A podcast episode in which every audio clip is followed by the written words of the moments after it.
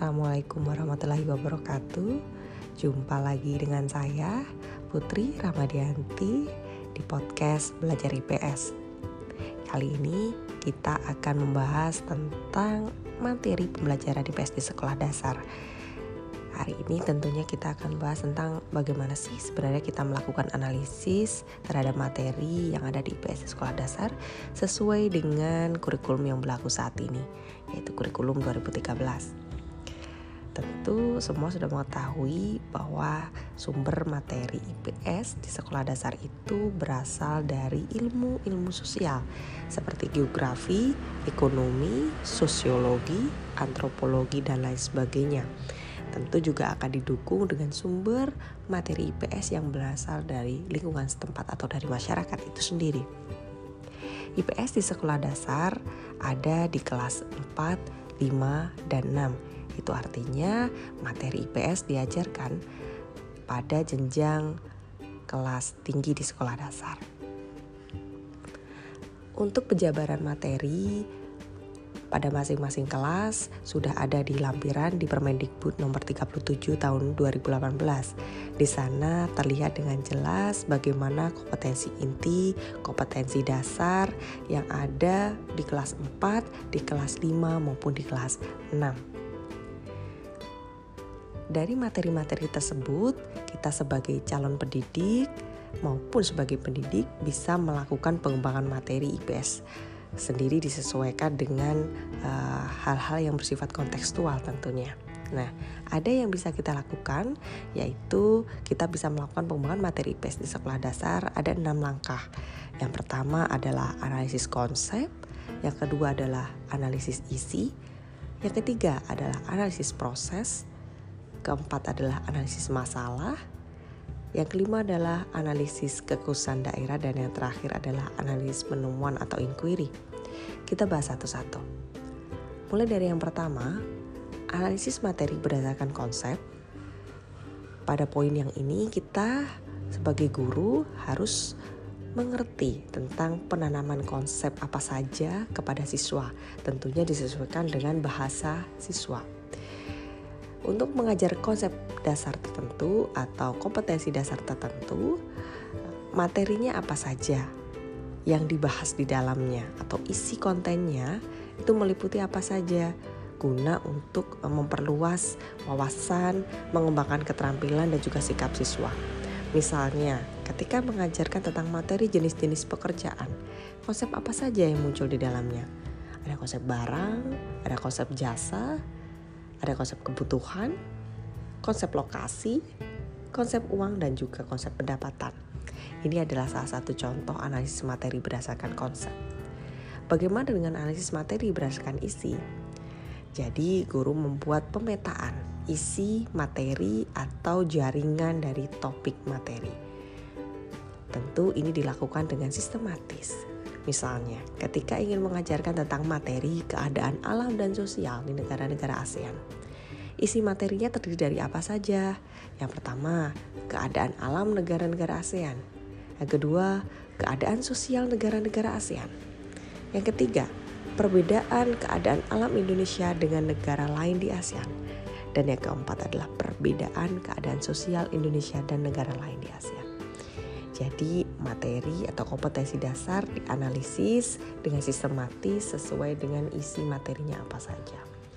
Yang selanjutnya adalah analisis materi berdasar keterampilan proses. Jadi di sini guru perlu untuk mengembangkan dan mengupayakan dari materi yang akan diajarkan kepada siswa akan ada keterampilan proses apa saja yang berkembang bagi siswa. Misalnya, ketika mengajarkan materi persebaran sumber daya alam di Indonesia, guru perlu untuk menjabarkan dalam materi ini keterampilan apa saja yang akan dikembangkan oleh siswa. Jadi, persebaran sumber daya alam di Indonesia, hal yang pertama urutan atau isi materinya adalah mengidentifikasi sumber daya alam yang ada di Indonesia. Keterampilannya apa yang mau dikembangkan dari mengidentifikasi sumber daya alam di Indonesia? Oh, di sana ada keterampilan observasi, ada keterampilan mengamati. Lalu ada juga terkait dengan materi misalnya isinya adalah mengklasifikasi sumber daya alam di Indonesia. Dari sana keterampilan apa saja yang mau dikembangkan? Misalnya keterampilan menafsirkan data, data tentang sumber daya alam di Indonesia yang siswa bisa amati dari peta atau dari atlas atau dari sumber lain. Yang selanjutnya adalah analisis materi berdasarkan masalah. Jadi bagaimana guru merumuskan secara spesifik terkait dengan materi yang akan diajarkan kepada siswa agar tercipta situasi kelas yang bersifat diskusi atau ada interaksi antar siswa. Misalnya, guru bisa pancing dengan pertanyaan-pertanyaan seputar materi tersebut. Apa yang terjadi jika banyak mahasiswa atau banyak masyarakat yang tidak mau bekerja Mengapa negara Indonesia perlu untuk melakukan kerjasama dengan negara lain? Pertanyaan-pertanyaan ini bisa dilontarkan kepada siswa agar terjadi diskusi di kelas. Tentu topik yang diberikan kepada siswa sebagai topik diskusi disesuaikan dengan karakteristik dari siswa. Yang keempat, yang kelima adalah analisis materi berdasarkan kekhususan daerah. Jadi apa sih intinya Bu Putri? Analisis materi berdasarkan kesusahan daerah ini adalah materi pembahasan IPS disesuaikan dengan kemampuan, dengan kekayaan daerah dan segala aktivitasnya yang ada di dekat siswa. Sehingga dengan uh, demikian akan diupayakan pengembangan sosiokultural yang ada di dekat siswa dan tentunya pembelajarannya akan bersifat lebih kontekstual.